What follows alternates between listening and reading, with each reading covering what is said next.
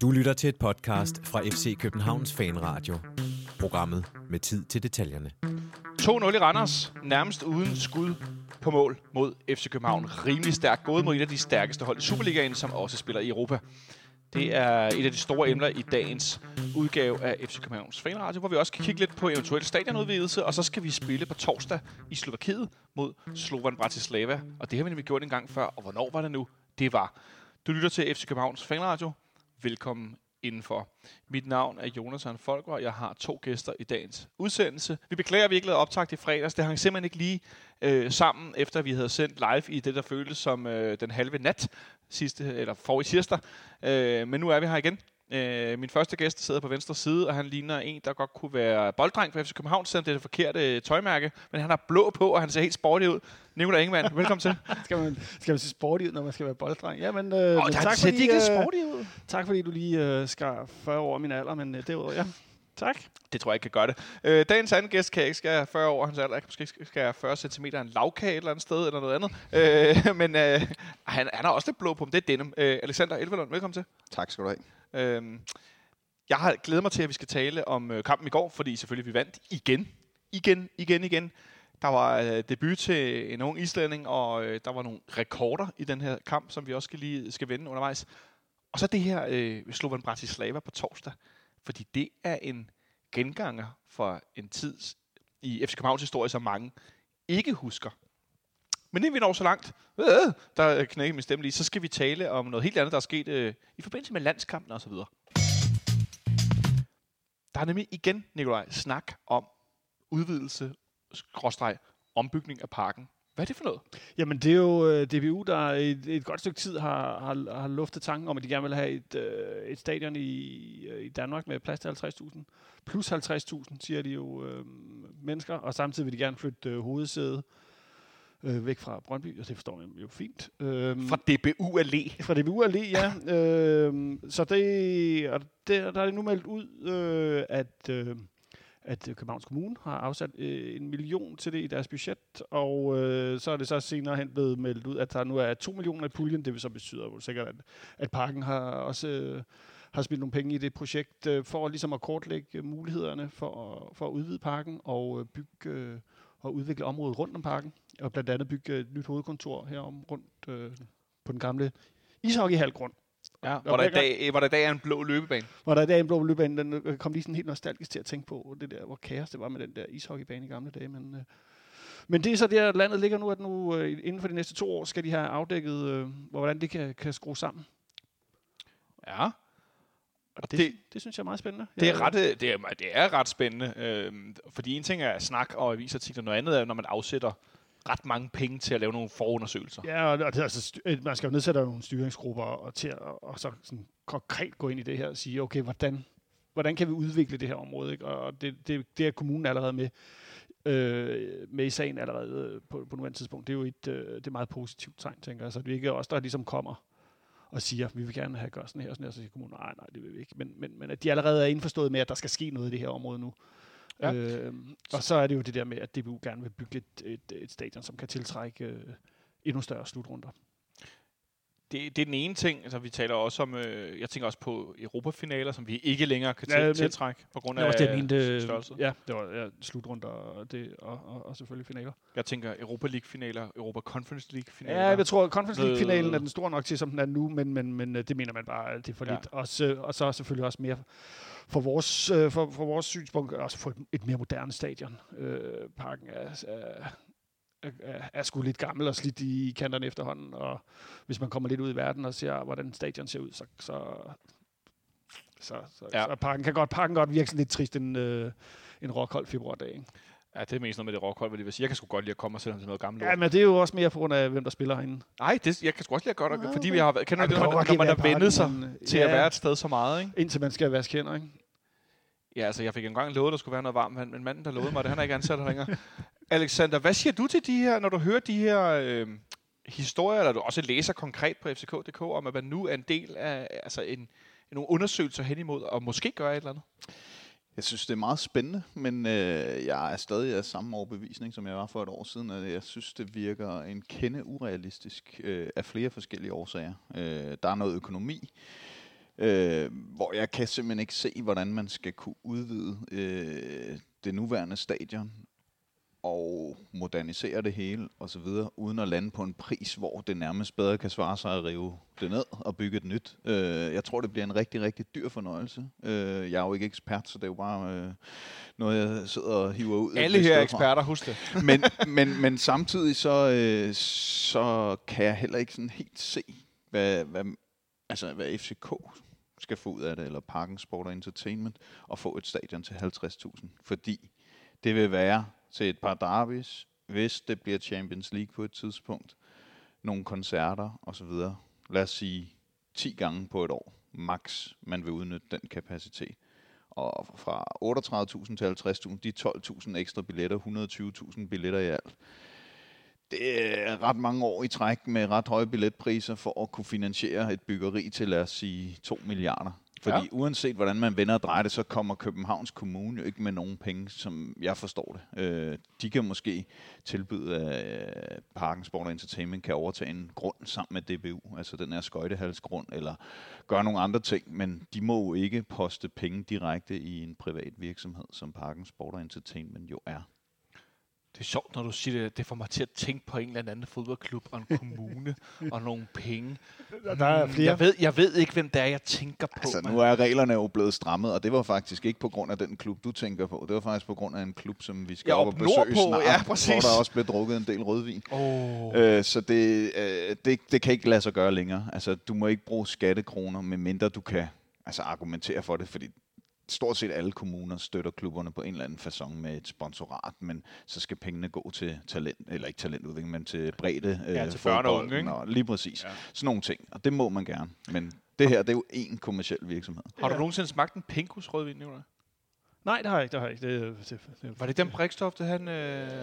Jeg ved ikke, om det var Pingus eller Petrus, eller hvad det var. Ja, det, var det var, det var, det var nogle Petrus. af de dyre flasker. ja, 7.500 øh, flasken har jeg hørt nogle historier om. Men, men det er jo meget sjovt det der med, fordi når man, når man kigger på Stockholm og kigger på Friends Arena derop. Hvad øh, kostede det? Øh, det, ved jeg sgu ikke. Det, Nå, det synes jeg, at vi har snakket om. Ja, 4 milliarder svenske, eller 3 milliarder svenske, eller sådan noget. Der bygger man jo så også helt fra bunden af, men, men der har man jo gjort det, at, at øh, den øh, er skalerbar i kapacitet. Ikke? Øh, og den tror, den kan hedde 17.000, øh, 35.000, og så nogle 50 60.000. Hvordan gør de det? Jamen, det er jo de der ringe, de har ligesom bygget delstadion ind i. Øh, så lukker de, bliver simpelthen lukket til, altså fysisk lukket til. Så det ikke altså, er sådan, at lyden ikke bare altså forsvinder. Altså sådan lodret op i luften, eller flat? Det eller? er jo sådan et, øh, det, jamen de der net, der hænger ned, eller de der tæpper, der hænger ned. Eller hvad det er jo det de der, lyddæmpende tæpper, der i mange år har mm. været farlige men, over men, men, men, men det, det, det, øh, det fungerer efter sine øh, rigtig godt. Øh, mm. Og til dagligt spiller, spiller Stockholm, er det AK, der spiller der til dagligt, tror jeg, ikke? Øhm, og så spiller de de store Stockholm derbys. Ja. Spiller der. Alexander viser mig lige et billede her, som du... Øh, det skal du lige sende, Alexander, så vi, jeg kan dele det til vores lyttere.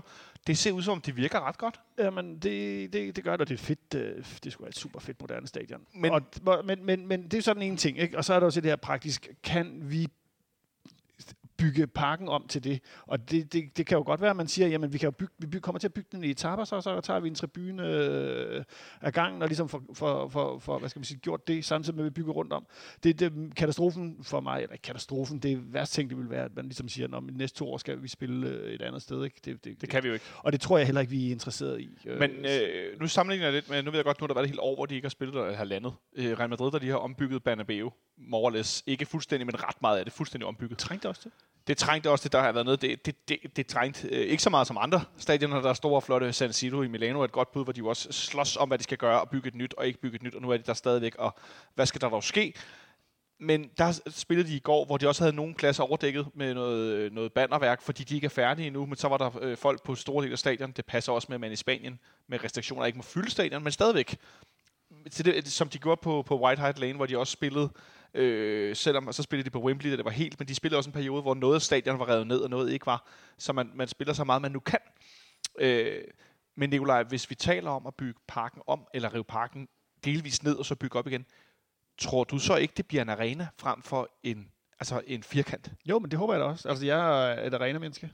Du er et arena-menneske. Ja, der Arena måske? Øh, nej, dog ikke, øh, mine damer og herrer. Der er jeg... Sprinklemasteren, der, der, der, er jeg, der, er jeg, der, jeg kan godt lide uh, kurvær. Jeg ved ikke, jeg har sådan et... øh, et, et, et Jeg kan godt lide kurvær. Det kan være dit, øh, på din gravsten. Ja, øhm, det, jeg kan godt lide den der måde, hvorpå et stadion øh, lukker sig hele vejen rundt Mm. øh, med publikum. Øhm.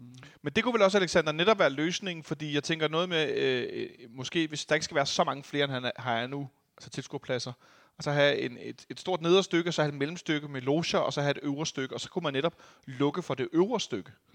Ja, men øh, jeg tror kun, det fungerer, hvis du har øh, både arena-løsningen, men også at de der niveauer eller dæk, eller hvad man nu vil kalde Ja. dem, ikke er særlig store. Fordi altså, hvis vi kigger på vores øvre tribuner nu, det vil se fuldstændig åndssvagt ud, hvis du hang sådan nogle øh, kæmpe tæpper ned. Ja, ja, det ville se mærkeligt ud. Så, så, så det skal være en, inddelt i nogle flere dæk, for at det giver mening også visuelt. Men der er jo også noget specielt med den måde, parken er bygget på nu, og det er jo noget, jeg, øh, jeg synes, jeg i hvert fald har prøvet at lægge mærke til, når jeg har været på, på andre stadioner rundt omkring i Europa, at øh, tribunerne herinde, selv de nedre tribuner, de er jo ret stejle. Og de øvre er jo sindssygt stejle, og det er jo også det, der giver den effekt øh, af lyd, øh, selvom der ikke er mere end de her 33-35.000 tilskuere, som vi tre jo, sammen med mange af vores øh, medfans og lytter, øh, har oplevet mange gange, specielt til de her European Nights, og som nu, efter at landsholdet har genopfundet sig selv, at folk er begyndt at opleve, hvad der kan ske herinde, fordi folk er mast så tæt på banen, fordi de øvre tribuner er så stejle. Og netop ikke så bløde, som de er på mange moderne arenaer, som jeg hader, Nikolaj. Jeg kan nemlig godt lide de gammeldags øh, sådan arenaer, med de nye, hvor mange af dem, hvor du er langt væk fra banen, og de er blødet ud i sådan en bue. Det, det, tribunerne er relativt sådan flade. De ikke, altså jeg vil have folk så tæt på som muligt. Det er det, det fedest. Og ved du, hvilken arena jeg bristbryder mig om, selvom den er åben i det ene hjørne? Det er Mestalla i Valencia, som jo er en arena, men som er stejl som altså ind i helvede. Øh, det er godt nok lidt åbent i det ene hjørne, men det er jo også øh, flere gange blevet kåret som det stadion i Europa og i verden med den, med den voldsomste stemning. Selvom der ikke er en kæmpe, kæmpe stor sådan aktiv fan-fraktion øh, på det ene mål, eller nogen, der er meget sådan, men fordi publikum er så tæt på banen. Jamen, det synes jeg også lidt, øh, for eksempel hvis du kigger på Volksparkstadion i, øh, i, i, øh, i Hamburg, som jo også er, er, er en, en arena. Øh, den er, den er, det er jo sådan lidt et, et ældre, ældre et af saksen, men har jo også en helt fantastisk stemning, og er også ret stejlt bygget. Øh, og der står man jo også tæt på hinanden af kapacitet. men det giver øh, nemlig nogle en- af 50.000, ikke? Øh, fedt sted, altså hvis man ikke har været til fodbold der. Det tænker jeg, det er der faktisk mange af dem, der lytter, der har. For en nok, del det år siden, For dem i hvert fald. Nå, for en del år siden var der nok en del af dem, der lytter med her, som var dernede. Ja, ja, ja, man kan jo... Der er også nogen, der var dernede, men som ikke kom ind og se kampen. Dem var der også rigtig mange af. Det var en våd dag i Hamburg. Det regnede nemlig. Øh, Det var også øh, noget med nogle øl, tror jeg. Øh, hold da op, det var en, øh, det, er et godt mål at rive Ja, ja, ja. Det skal vi også. Det har jeg ikke set i lang tid. Det skal jeg lige se bagefter, kan jeg godt høre. Men det jeg egentlig vil sige var med alt det her snak, at øh, det er noget, der er i støbeskeen. Men øh, herfra en lille bøn, hvis det er, I laver en arena på en eller anden måde, så lav den ikke for flad. Ikke noget, øh, øh, hej- ikke noget hvad hedder sådan noget Emirates her. Nej, tak. Fordi så kommer folk for langt væk fra banen. Og en af de store styrker i dag, med det tryk, som vi kan ligge, og vi ved jo godt, hvorfor er vores anfører, han gang på gang på gang vælger at få lov at spille anden halvleg mod B-tribunen.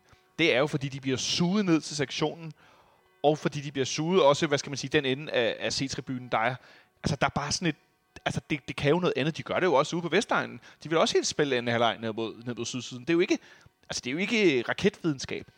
Nej, nej, så, nej, nej, nej. Så men- hvis man ødelagde det ved at sige, ah, men skal vi bygge det ene eller andet, det vil godt nok gøre mig ærgerligt, det vil jeg sige. Det er ikke, vi skal ikke lave Alliance Arena, men øh, selvom den, den, øh, den ser fandme fed. Den, har jeg, den står i min bog til, den skal jeg godt nok ned og se på. Men, ja. øh, men øh, det, jeg synes, det er meget spændende. Øh, og, også, øh, og, og ikke mindst, hvordan fanden man får gjort noget ved det her. Også der er nogle muligheder. Også, øh, kan, skal der være et hotel i et af tårnene i stedet for? Skal der være... Skal der være nogle træningsfaciliteter? Skal der være, skal der være en natklub i kælderen øh, til Lars Seier? Eller skal vi have flyttet al parkeringen nedenunder? Hvad, hvad, altså, det er jo en unik mulighed, der, lige, der, der er, hvis man beslutter sig for, at der skal gøres noget ved det her område, og det trænger der jo lidt til. Ikke? Helt kort, Alexander. Hvis du kunne vælge, hvis du sad, lad os sige, med 10 milliarder, hvad kunne du så godt tænke dig, der skete? Hvis jeg helt ku- selv kunne vælge, så tror jeg, jeg vil øh, få Københavns Kommune til at forære øh, FC København den grund, der ligger lige ved siden af på øh, PH Links Allé. Altså det er et stykke græs, der er derude af. Ja. Ja. Sådan, så man kunne bygge helt nyt. Men samtidig med, at man kunne blive her og spille, indtil det nye stadion var færdigt, og så kunne kommunen så arve den her grund efterfølgende. Så man ligesom, det var en til en, så man åd ikke noget af fældeparken. Man fik bare et andet stykke af fældeparken. Man rykkede stadion faktisk lidt. Ja, og det er ikke fordi, jeg har specielt behov for at rykke det, men det er for at imødegå det her med ikke at skulle spille ude i Brøndby eller et andet sted i to-tre år, mens man bygger nyt. kommer aldrig til at ske. Nej, og det tænker jeg også, det ikke gør, men problemet er jo, hvad er det næststørste stadion i nærheden? Det er vel Gladsaxe, hvor der er plads til, hvad, 15.000 Og, eller et eller andet? og så spørger jeg lige, hvornår du sidst været på Gladsaxe-stadion? ja, ja. Nå, bevares, nu prøver jeg kun at kigge på kapacitet. Altså, det, det er jo det- ikke engang det- nok til at dække sæsonkortholderne. Jeg ved ikke, om I kan huske, da Lars Olsen han blev træner i Esbjerg. Nej, jamen, det gjorde han for nogle år siden. Så var han træner i nogle få kampe, og så var jeg i Gladsaxe. Jeg boede over i Brøndshøj på den anden side af Mosen, så cyklede jeg over med en god ven. Øh, og så så vi AB spille pokal mod Esbjerg, lige da han var blevet træner. Og der sad vi på den nye tribune i Gladsaxe. Og den føltes ældre end parken. Fordi den er ude helt åbent, og bare vind og vejr. Det, det føltes tusind år gammelt. Ja, der er ikke et lille fæsen Ja, men prøv at høre. af- Det der stadion, ikke? Til Superliga, uge efter uge, ikke? No fucking way. Ej, nej, det, det kommer jo heller ikke til at ske. Nej, det, jo- nej, det, lige præcis. Det, der er jo det, det ikke gør. Så derfor, løsningen er, Du vil have det over. derover byg nyt, lav det ordentligt med altså, webfaciliteter, parkering under jorden, alle de her dyre ting, som man ikke bare kan lave efterfølgende. Tag på fra start, i stedet for sådan en bastardløsning, som vi har øh, herinde ja. i forvejen, og så videre. Så får det lavet ordentligt, og så øh, kan holdet spille sine kampe i den gamle parken, mens det blev bygget. Ja. Men for lige at sætte en krølle på halen, det kommer ikke til at ske. Og jeg har stadig svært ved at se nogen overbevise FC København om øh, at bruge så mange milliarder. Jeg ved godt, at det skal moderniseres. Altså selvom det var, var det Aldo, der var ude at sige det på et tidspunkt, hvor han ville smide en masse penge Ja, ja, og ja, øh, ja, hente ja, investorer og sådan noget. Ja, ja. Det skal moderniseres. Vi, det, vi snakker om en 30 år gammel dame. Ikke? Man sidder stadig og tænker, det er jo et forholdsvis nyt stadion. Og sådan noget. Ja. Men det er jo fordi, vi er blevet så gamle nu. Ikke? Du kan jo sammenligne med alle de stadions i Italien, der blev moderniseret op til VM i 1990. Ja. Det er nogle af dem, som også bliver moderniseret nu, fordi nogle af dem simpelthen er så bund tyndslidte. Og selve den sportslige del af parken, stadionet, altså tribunerne og så videre, jeg er vild med det, det må jeg sige. Ja, det er ikke særlig pænt, men god stemning, øh, godt udsyn, øh, alt nedenunder tribunerne og så videre. Det er bare nedslidt og skal fikses. Og det er altså boder, det er varmt vand i hanerne, det er webfaciliteter, det er alt. Altså, nu var jeg jo herinde i lørdags til den der lille bitte koncert. Og jeg har jo også hørt historier og set folk skrive, om de stod i kø i to timer for at komme ind, fordi at alle skulle jo ind. Og når alle skulle ind, så blev- endte det jo med at blive presset til sidst. Og nogen vil så sige, nej, det var presset i lang tid, men jeg kan også fortælle, at da jeg kom cyklen, der stod folk i kø ned til Trianglen i en lang kø. Men jeg kørte hen ned langs ned og se, så parkerede vi cyklen og gik nærmest direkte ind. Ja. Så det der med, hvor lang tid man stod i kø, jeg ved godt, du havde en indgang og noget, og nu er der sikkert nogen, der bliver enormt sure, fordi de stod længe i kø. Men stadion, altså, med folk på plænen, var stadion også på sit max.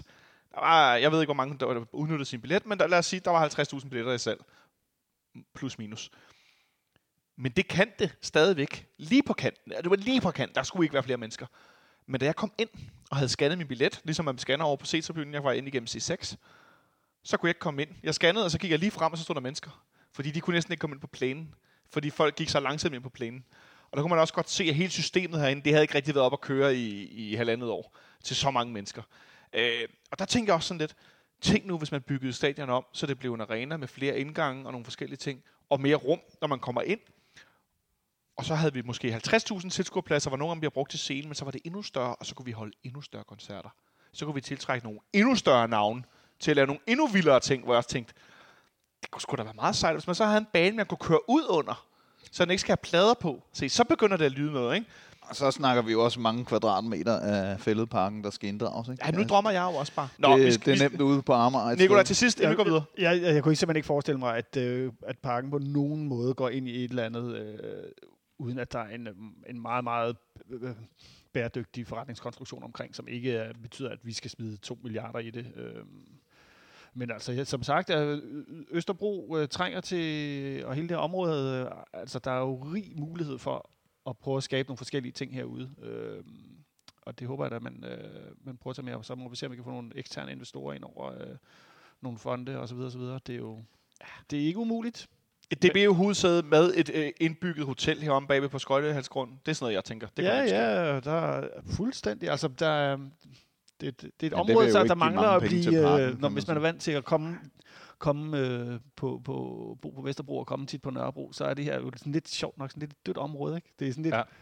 Og det er, det er det her område. Østerbro er jo lidt... Der, er- der, der, man kunne godt kultivere det lidt. Ja, men tænk engang, hey, ej, nu snakker jeg videre selv, men tænk engang, et af alternativet er jo, at- vi får bygget et stadion, der ligger ude siden af Royal Arena. Er der nogen som helst, der er interesseret i det? Nej. Så mindst af alt øh, FCK. Jamen, det er det, jeg mener, ikke? Så det er jo ikke... Det der med at cykle, gå, tage metroen, bilen, whatever, øh, hinke, hoppe, kravle til Østerbro, det er fedt. Det er helt unikt, at... at øh, Men der at, skulle 8 km den vej herfra, hvor vi sidder.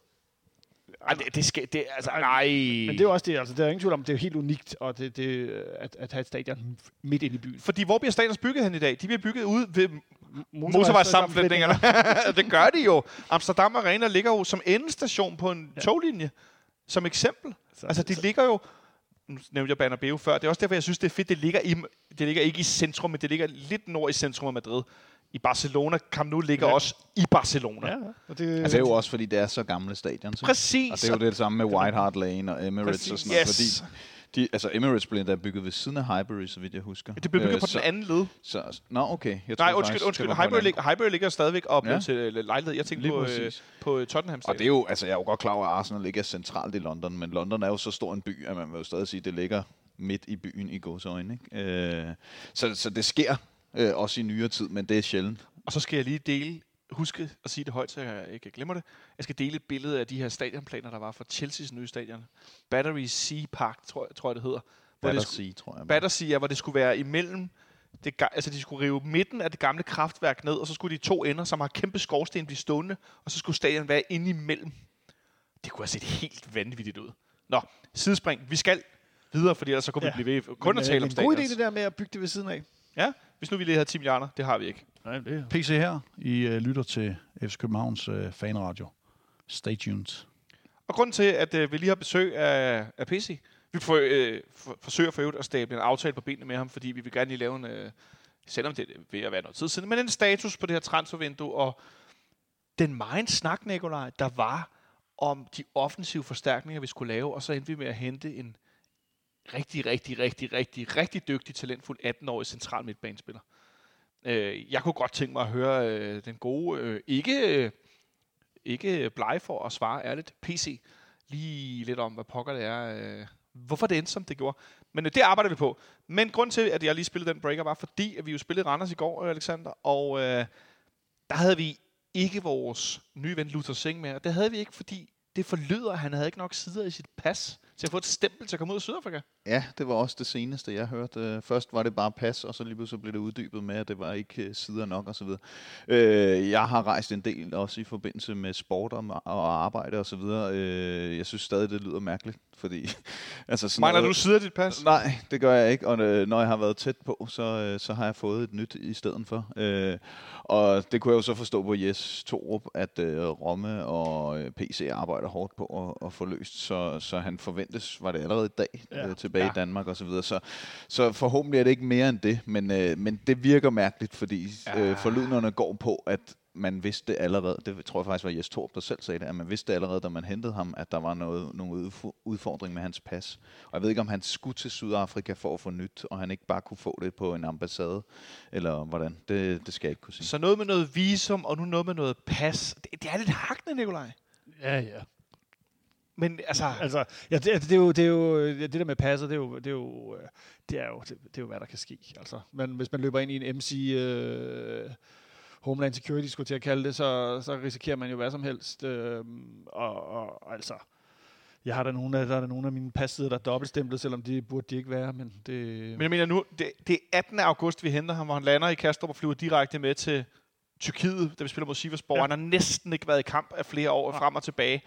Altså, øh, jeg bliver lidt MC, hvis jeg er sådan lidt, ah, det, jeg synes det, øh, nu, nu skal der snart ske noget. Ja, ja, selvfølgelig, det skal der også. Det, det er jo nærmest en måned siden, det er den, øh, det den 13. september i dag. Ja, man har da også spillet lidt. Han har også siddet lidt på bænken. Og Nå. så har der været en landsholdspause, ikke? så der, der var... Fred være med det. Man havde nok håbet på mere, da han kom, end det vi har set indtil videre. Men, det må jeg nok, det er fuldstændig enig i, men så, så har vi jo en bøving. Ja. ja, ja, så sker der en masse andet, heldigvis for det, fordi det, er det fantastiske, der sker med vores, øh, vores fodboldklub, Alexander, er jo, at vi blandt andet henter øh, det største talent i svensk fodbold til stor fortrydelse for øh, alle medier i Sverige. Jeg tror da nærmest ikke, jeg kan huske, at jeg nogensinde har set så mange svenske journalister altså nærmest øh, på tekst grad over, en spiller bliver solgt til Danmark. Nej, og, øh, og jeg forstår dem godt, fordi øh, jeg øh, har ikke set vildt mange af Nordsjøbings kampe, men det navn kendte jeg godt i forvejen. Øh, han er blevet omtalt stort i, øh, ikke i årvis, men i hvert fald et års tid eller halvanden, øh, og altså blevet rygtet til alle de her store klubber, øh, og det kunne jeg så forstå på deres sportschef, at der er jo forskel på øh, tilbud, og så at der kommer nogle scouts og kigger, og der kommer rigtig mange scouts og kigger på alle mulige spillere. Og det er jo så bare det, der har været øh, scouts fra, ja, var det United, Juventus, Real Madrid, øh, den slags klubber. Øh, og, og så er det selvfølgelig klart, at øh, hvis man for et års tid siden øh, læste, at øh, de forlangte, var det 10 millioner euro eller noget i den stil, Ja. og de så lige pludselig sælger ham for under det halve, et år senere, hvor han jo stadig er ung og, og så videre, så, så, så virker det lidt mærkeligt, og det kan jeg også godt forstå, at de svenske journalister, de stusser over. Ja, ja, men nu du sagde, det er de største talenter i Sverige, men altså, det er jo et af de største talenter i, i Europa, anset sig som. Øh, Hvordan var det med det der Golden Boy i, i The Guardian? Nej, det er ikke... Er ikke The Golden Boy? Det er Golden... Nej, det er bare den der, de laver sådan en årlig... Den er øh, next generation, ja, next de, laver, gen, de laver sådan en 60, top 60 hvert år over Ja. de største talenter i, øh, i verden, og der er han på listen. Ja, hvor, hvor lå han De på rangerer dem ikke. De rangerer. Gør de ikke det? Jeg tror bare, det er, Det er bare navn. Det på er lande. på landet, ja. Det er, for, det er bare for at sige, at de her... Og han, øh, så er der Baldursson, ikke? Hvad er der også? Øhm, så... Ja, ja. Vi henter... Øh, men, men der er der også, så vidt jeg har hørt, øh, både vi har Baldursson, og som... Jeg kan ikke kalde ham Baldursson, fordi det, det er sådan godt navn. Det ligger godt i munden. Øh, og så Isak Bergman, øh, det er jo de to største talenter, så vidt jeg har forstået fra Island. Øh, så det er meget godt. Spillede begge to A-landskamp her. Ja, de spillede- netop Altså, der var en islandsk journalist, som i forbindelse med skiftet af Isak Bergman sagde, at de fire største talenter i Island, det var øh, Isak Bergman, Andri Baldursson, Ori Oskarsson, og så øh, Eidur Gudjonssons søn, som jeg ikke kan huske. Som er over i. Odense. Nej, som er i Real Madrid. Jamen, så er det ikke ham. og øh, det er meget sjovt, at tre af de fire største talenter i Island lige nu åbenbart, de øh, spiller i København. Ikke? Jo. Og så er der også... Nej, det var ikke Ori Oskarsson, det var Haukon Haraldsson. Ja. Øh, og så har vi nemlig også over i oveni. Det bliver sådan en islandsk koloni. Ja, det er da fint nok. Ja. Det er Det hell- er- hellere det, når de kører magasin, hvad det vil sige. Det er det, altså, vores udgave af FCM's brasilianer, ikke? Øh, så bliver de bedre integreret og bliver gladere, og Ja. alt er godt. Men som Nicolai var inde på, så er der også andre unge øh, spillere, som øh, er rigtig meget i spil. Øh, blandt andet øh, William Bøving, som startede ind igen efter at have scoret for øh, U21-landsholdet, også i landskampspausen. Han spillede venstre midt øh, foran Victor Christiansen, øh, og så ellers så lignede det faktisk sig selv, får jeg lyst til at sige. Rasmus Falk er jo skadet, så det var Lea og sikker på den centrale midt, Pep Biel som 10'er, og så Stage som den her venstre, nej ikke venstre, højre ving, som han jo spiller, som Jens Stage spiller den, som sådan en lidt meget fleksibel, øh, øh nogle gange sideforskyder han, nogle gange gør han ikke, og så kommer han jo med de her, altså nærmest godstog, tunge, dybe løb ind i feltet, hvor han jo bare kommer bravende.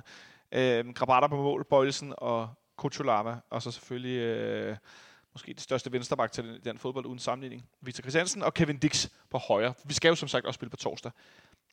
Randers har jo gjort det rigtig godt, Nikolaj. Ja, jeg vil bare lige sige, det er så tre øh, Ja.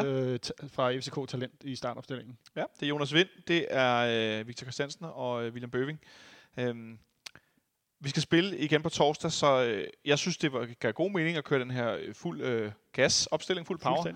Hvordan synes du, vi, vi greb det an i, i Randers i forhold til, at vi spiller på udebane mod et hold, som altså, har gjort det ret godt i Superligaen?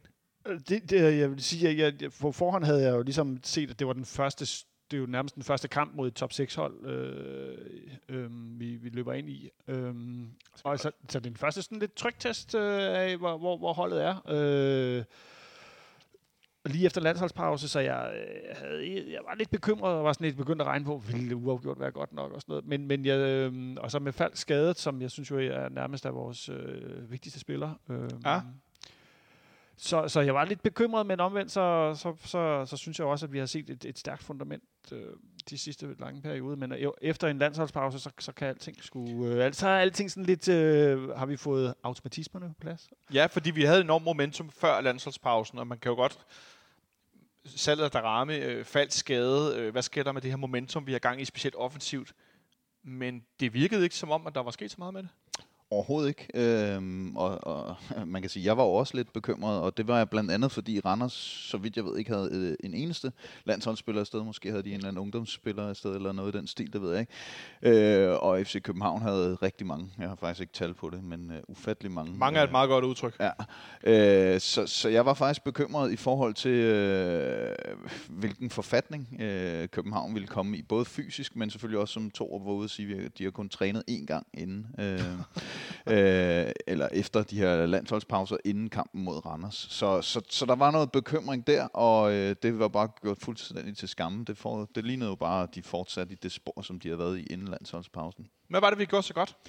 I Jamen, kampens øh, øh, start, i hvert fald i første halvleg. Ja, men øh, altså, man kan jo sige, at organisationen er jo lige pludselig på plads. Det er jo fuldstændig grotesk at sige, at man har holdt clean sheet i ja, hvad er det, 3-4 kampe i træk efterhånden, og øh, organisationen er på plads, den er klar, den er tydelig, øh, og så det her stage, du nævner tidligere, har også rigtig meget at sige i forhold til at, at kontrollere kampene, fordi han fylder så meget, både fysisk og løbemæssigt på holdet, til at bakke op om for eksempel en sækker, hvis han er ude af position, så kan Stage løbe ind øh, centralt og dække af osv.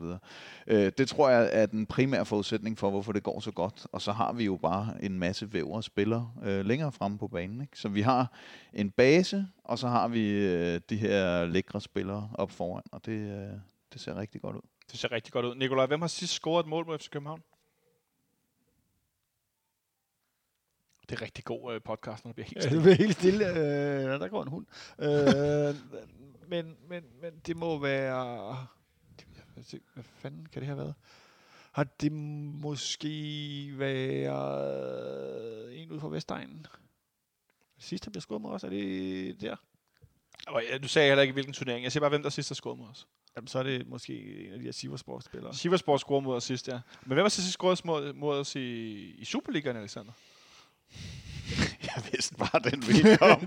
Men det er jo fantastisk, at ingen af jer kan svare på det, fordi det Ja. føles som om, det er 100 år siden. Jeg ved godt, der har været 14 dages Ja. ja. pause med landsholdene indimellem.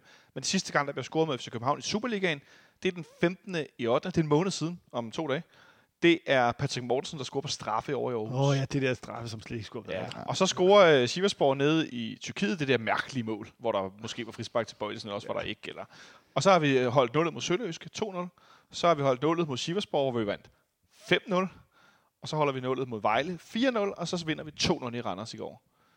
Ja. Øh, vi scorer det her mål i starten af kampen. Pep Biel har en situation inden Nikolaj, hvor han jo først prøver at lave en, en bagom hælen aflevering, som han næsten falder i, men der er ikke noget pres på ham. Nej, nej, der er ikke nogen, der er ikke nogen, der... Der er ikke nogen, der er i nærheden af at takle ham. Det ser ud som om, at de nærmest også, altså udover Pep lige et kort øjeblik snyder sig selv, så ser det også ud som om, at de bare har ingen idé om, hvad han har tænkt sig at gøre sådan næste træk. Og det er jo... Øh, altså, han Det kan man måske godt forstå. det kan man også godt forstå, fordi det er jo også lidt sådan, som han spiller i øjeblikket, at han, øh, han kan gå alle veje hele tiden nærmest.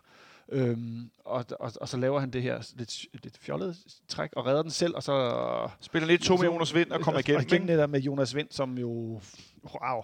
Øhm, øh, og så, så lige pludselig så burde han næsten have scoret der. Det, Burde han det er næsten have scoret? En, en kanonredning af Karlgren. Det er en rigtig god redning af Karlgren. Han på næsten at score i starten. Så går der nogle minutter, så kommer vi igennem i midten igen, hvilket Randers overhovedet kan dæmme op for. Og nu, nu nævner Nikolaj Jon, lige Jonas Vind. Det kan godt være, at han ikke står bag 5-6 afslutninger per kamp, men hvad er det så, han gør, Alexander? Ja, men han har jo det her eminente overblik, som vi både ser på afleveringen til Pep Biel, og så selvfølgelig på scoringen her til Bøving, hvor han jo nærmest kigger mod øh, bolden, øh, og det vil sige, at han nærmest står med ryggen til øh, Bøving, og alligevel ved han bare, at han er der, øh, og, Ja. og skovler den videre. Men det skal jo lige sige, at jeg har hørt nogen nævne, at det var også lidt heldigt, at bolden rammer Erik Marksen, og så rører hen til Jonas Vind.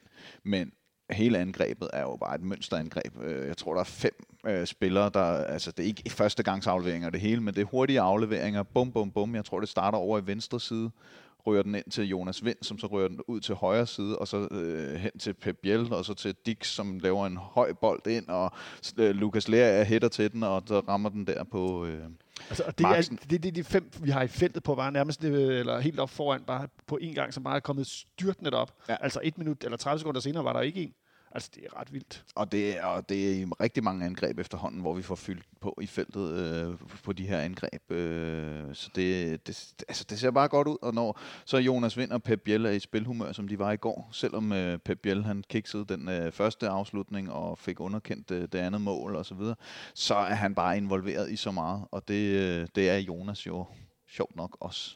For det er lidt interessant, at jeg ved, at jeg læser øh, på nettet, øh, hvad andre FCK-fans taler om, og der er indimellem den her muren over Jonas Vind, og det ikke er så målfarligt, som man godt kunne tænke sig, det var for en, en nier, altså for en centerangriber. Kan du forstå det, Nikolaj, at folk bliver sådan lidt, ah, han er ikke så meget involveret, han, kommer ikke til, han får ikke afsluttet så meget, han er ikke så meget inde i feltet, og, altså sådan, som, som sådan en goalgetter. Ja, det, det forstår jeg godt, fordi det er jo den, det er det sidste, han mangler at lægge på sit spil for at blive den fuldstændig komplette øh, forward. Altså, og nier der, det er jo, at han er lidt mere i feltet nogle gange. Og det, altså, hvis du tager det, du har nu, og så lige, så kan du bruge det næste år på lige at lære at komme lidt mere i feltet, så har du altså en, øh, en, en komplet angriber på øh, topniveau. Top, top, top niveau. Jeg tænker også, at hastighed i hans fødder måske ville på Ja, okay, det kan han aldrig men, få. men, Ej, nu men, men det er meget svært at få, få den komplette lø- Ja, pakke okay, der, okay. uden øh, for under en halv milliard. Ikke? Ja, så var han også solgt for fem år siden, må jeg lige vil sige. Ja. Men Alexander, vi scorer det her mål, og er ret overlegne. Så afgiver vi ekstremt meget initiativ de næste kvarter 20 minutter. Når du bliver nervøs i den her periode? Vi står og parerer meget dybt. Ja, det gør jeg. Øh, også fordi øh, lige pludselig øh, kan hente, han øh, begynder at altså, gøre stort set, hvad det passer ham. Og det ved man jo per automatik skaber noget frustration for det forsvarende hold. Og der var nogle opgivende attityder, jeg tror også, det var Kevin Dix på et tidspunkt. Det var så ikke i et defensivt, men i et offensivt løb, hvor bolden rører fra ham, og så slår han ud med armene i stedet for at løbe efter bolden. Så det var sådan en svær periode for København, hvor... Øh, ja, man, man ved, at der skal ikke særlig meget til øh, fra tidligere, øh, før bolden den ligger i nettet. Og, og der er jeg måske ikke helt vendet mig til endnu, at det faktisk er så solidt, som det, det så har været. Ikke? Men, Du sad bare og ventede på det, det jeg øh, hører. Ja, lige præcis. Det gjorde jeg. Ja, det kan jeg godt forstå. Der var det, du sådan set ikke alene om. Nej, det, det gjorde vi alle tre, kan jeg næsten ja, fornemme. Ja, ja.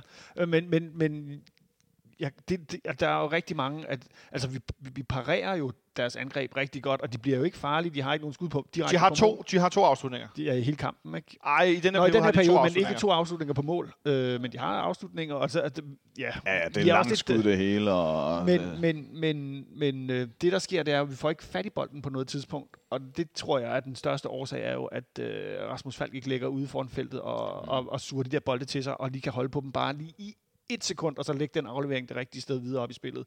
Øhm, og det er jo igen for at understrege, hvor vigtig en brik øh, Rasmus Falk er i, i vores spil. Og Kunne det er han så også i det defensiv. Kunne man også tænke, at det er lidt tydeligt, at vi mangler en meget hurtig fløjspiller til at kunne slå den her kontra og slå den op, for der er ikke rigtig nogen til at løbe den her meget dybe bold. Nej, altså det kan man jo sige, der er jo heller ikke nogen... Altså Bøving prøver jo et par gange, men han har ikke helt farten til det. Øh, og det er... Men, men altså det har jo det Kevin Dix for eksempel jo, så så kunne han jo bare tage en spu- spurt, hvis det var det, der Så skulle kommer være, han ikke? lidt længere bagfra. Det var mere den her tanke om, at vi tidligere jo har set, at vi havde øh, Darame, vi kunne spille den op på, eller lægge den afsted. Og så havde du en, der var lidt hurtigere end, end gennemsnittet. Men lige nu er der, er der ikke nogen, der er det. Nej, men fart er altid godt. Selvfølgelig er det det. Men vi skal også lige huske på, at det var jo egentlig ikke så meget Mos fart, som øh, han, øh, her da han blomstrede allermest. Det var jo hans evne til at sætte en mand, selvfølgelig også med sin speed. Men du kan jo sagtens få fart, uden at folk de er i stand til at øh, drible forbi en mand. Ja, ja. Øh, så det er ikke nok, og jeg bliver nødt til at sige, at vi spiller ikke 99 ud af 100, men det er tæt på kampe, hvor modstanderne står dybt. Og det gjorde Randers sådan set også i går. Øh, så, så det der med fart, der er ikke så meget rum at løbe i, så du skal stadig have nogle øh, færdigheder på bolden, øh, selvom du har fart, øh, for at det giver mening. Øh, og derfor tror jeg, at øh, fart er vigtigt, øh, også for Jes Torup, men det er ikke det vigtigste, fordi Nej. Det vil være yderst sjældent, at øh, vi får de her, hvor øh, modstandernes øh, bagerste forsvarslinje står helt op på midterlinjen, og der var en halv bane at løbe på. Nå, det synes jeg, at vi så nogle gange i går, hvor de ikke kunne løbe den op. Hvor jeg tænkte, en hurtigere spiller her, så var, havde den fået mere øh, kapav ned øh, mod den anden ende. Og der vil jeg sige, en mere præcis, øh, en mere præcis opspil havde, øh, havde jo været endnu bedre. Så Ja, det havde, sandt. og det, er jo- så er vi jo der med, at, at vi, vi havde svært ved at holde fast på bolden. Øh, anden, anden eller tredje touch, så smed vi den væk. Ikke? Øh, og det var... Det, det, det, det, altså, det er der, hvor jeg virkelig savnede Rasmus Falk. Eller en af, eller type af Rasmus Falk, mere end jeg savnede en, der kunne løbe hurtigt. Og det er der Isak Bergman, han kommer ind. Fordi jeg har en fornemmelse af den måde, han spiller på, at han kan blive en rigtig værdifuld brik på lige præcis den position. Men han er selvfølgelig ikke klar som 18-årig og lige kommet til klubben og lægge sig ind centralt. Men øh, Altså, det, jeg, jeg vil gå så langt som at sige, det tror jeg sgu ikke, du skal sige. Nej, Ja, ja, ja, ja, som ja. han sagde i går, you are running like crazy. Nej, det sagde han i, øh, i den video, hvor han blev bedt om at holde en tale ja. Efter øh, i omklædningsrummet efter Jo. kampen. you are machines, tror ja, jeg, ja, var ja hans, you are running like crazy. Oh, Der bliver løbet, løbet lidt mere i København, end der gør i, i den svenske liga. Øh, helt, helt grundlæggende virker det som om. Ja. Ja. Det er meget interessant, faktisk. Ja, det var, jeg tror, det lige det så bare ud, som om det var øh, Bøving, der kom cyklerne der. Nej, nu tror jeg, du ser syner. Ja. Øh, men vi får lidt momentum i slutningen af første halvleg, hvor spiller os lidt ud af det her pres. Vi bliver ikke rigtig farlige. Øh, går til pause med 1-0 i Randers. Det er jo super fedt. Thomas Thomasberg, han så øh, øh, lidt øh, tvær ud i halvlejen, eller da, da slu- første halvleg sluttede. Det kan jeg altid Men godt jeg, lide. jeg kan ikke kende forskel på Thomas, Thomas Berg, når han er glad, eller når han er sur. Nej, fair nok. Det er måske rigtigt. Og hvad er det, hans assistent hedder? Og øh, han hedder Rasmus... Øh, ja. åh, det kan jeg ikke. Bertelsen. Bertelsen, ja, Ja, ja, ja, ja. ja. Bingo. De ser også altid sure ud. Men i hvert fald, så gik det hverken værre eller bedre, end at vi i det første angreb i anden halvleg, der er han igen, Pep Biel. Øh, Ja, altså... godt- og er det et forsøg på at vippe den over målmand, ja, eller er det en 100 aflevering? men det, jeg synes, det er mere spillet op til, hvor... Ja, kom hvor, med det. hvor øh, Og det er faktisk... Altså, nu trækker den lige 30-40 sekunder tilbage. Ja, det kan du også hvor godt. Bøving, han, øh, han får ligesom får trukket spillet over i, øh, i, øh, i, i, i venstre side øh, og så ud til sig, og så får Victor Christiansen med, som så får Pep Biel med, og så, så ligger den inde, øh, ind over feltet. Eller så ligger på Pep Biel og lop den frægt over. Så kommer den mest uortodoxe højre ving i dansk fodbold. Ja, og det har han jo gjort nogle gange efterhånden, og øh, jeg øh, vil gerne indrømme, at jeg ikke har set det store lys i Jens Dage al den tid, han har været Altså i overfor, København. overfor der sidder der en, der har set et meget, meget mindre lys, kan jeg godt afsløre. Det er Nikolaj Ingemann. Men altså, det, øh, men Det var- altså, Men Hver- så langt vil jeg ikke gå, men, men jeg vil sige, øh, jeg kunne godt have set nogle øh, bedre kantspillere, men jeg må bare sige, at han øh, har løftet sig meget, og jeg tror også, jeg har sagt det her en tidligere, efter Lukas Lea er kommet til, så har han løftet sit niveau, og nu ligger han endda ude på en kantplads, øh, plads, og altså han bygger bare på, og han giver øh, noget til vores spil, han gør øh, de andre spillere bedre, gør fordi de andre modstanderen bedre. skal forholde sig til ham. Øh, han har har en teknik som øh, en sæk kartofler, øh, og det er der ikke noget at gøre ved. Øh, og det har bekymret mig rigtig længe, men det han kommer med lige nu, øh, er rigtig vigtigt for, at Pep Biel og Jonas Vind og så videre, de kan blomstre. Det er sjovt, du siger det med teknikken, som jo meget det, vi snakkede om og har talt om. Han kan ikke spille centralt, fordi foden er ikke god nok. Nej, og han er ikke der- hurtig nok. Øh, altså, I opfattelsen, øh, det lyder øh, lidt øh, ikke så, så pænt. Ja, lige præcis. Og det, det er han måske, men hans øh, teknik kan bare ikke følge med den øh, fart, når øh, det skal virkelig gå hurtigt derinde. Men hvad er det så, han virkelig bringer ud på den der højre fløj? Jamen, han bringer jo han bringer noget, noget fysik, øh, og så bringer han nogle øh, sindssygt gode dybdeløb. Altså sådan nogle helt vildt voldsomme dybdeløb og noget øh, energi. Øh, og det synes jeg, altså det kan man sige, han er jo bare i feltet. Om det er ham, så er han i feltet, så er det Lea, der er i feltet, så er det, så er det Bøving, der er i feltet, så er det, altså den, den der måde, og det, det skifter hele tiden. Øh, så man kan sige, at han er sådan en kant balancespiller, eller Ja, hvad det fanden, kan- tror jeg godt, man kan sige. øh, Og så er han jo selvfølgelig også øh, enormt god defensivt. Øh, Og så er han holdets mand. Ja, så er han, ja, ja, Altså, ja, han er lige så team man. Jeg mener, man kan godt se, hvorfor at han var anfører i, i Aarhus. Altså, det er det der, det er det med at løfte gruppen. Fuldstændig. Altså, det... det Og i går, han får en på låget på et tidspunkt. Der var han bliver skiftet ud. Ja, der vidste, han vidste, Og han ikke, han blev skiftet ud. men, men, men, men der må jeg sige, øh, altså han har virkelig løftet, og det er efter Lea, det er nærmest synonymt med, at når han kommer til klubben, så løfter, begynder Stage at løfte sit spil, og det har været godt for ham. Øhm, Men det er vel også interessant, Alexander, det med at have flere anførtyper i en, i en gruppe. Jeg tænker nogle gange på nogle af de bedste hold, vi har haft. Der har faktisk været en 5, 6, 7 stykker, der virkelig kunne være anfører, fordi det betyder, at der er så mange, der løber uden, at det behøver at være, at du får en aflevering. Altså, der er mange, der gør det ekstra. Og det, vi har øh, tager Sikker. ansvar. Ja, de tager ansvar. Vi har Sikker, vi har Stage, vi har øh, Bøjlesen. Jeg vil faktisk også sige... Falk. Falk har jo haft anførerbindet flere gange også. Ja, Ikke? øh, Lea, Vind. Øh, Vind vil jeg også nævne. Og så tror jeg også, jeg vil nævne, selvom jeg ikke helt ved det, Rotjolava måske også. Rutscholav. Altså, jeg vil faktisk også nævne vores nye målmand. Øh, som også har været, øh, altså, Bra, øh, har været anfører, som grinede meget i går, at Fissinger forsøgte at score direkte på frispark for 55 meter. øh, det fik han ikke lov til. Nej, men han stod også og applauderede ham, Ja, det var også det var stærkt lavet. altså meget, meget frisk forsøg, det må man give ham. Jeg kan godt huske, at han ramte overlæggeren ind i parken. Det var, og så vil jeg sige, det var ikke et frispark, det var et dommerkast. Var det dommerkast? Ja, var? så vi, det spørgsmålet var, om øh, det var blevet godkendt.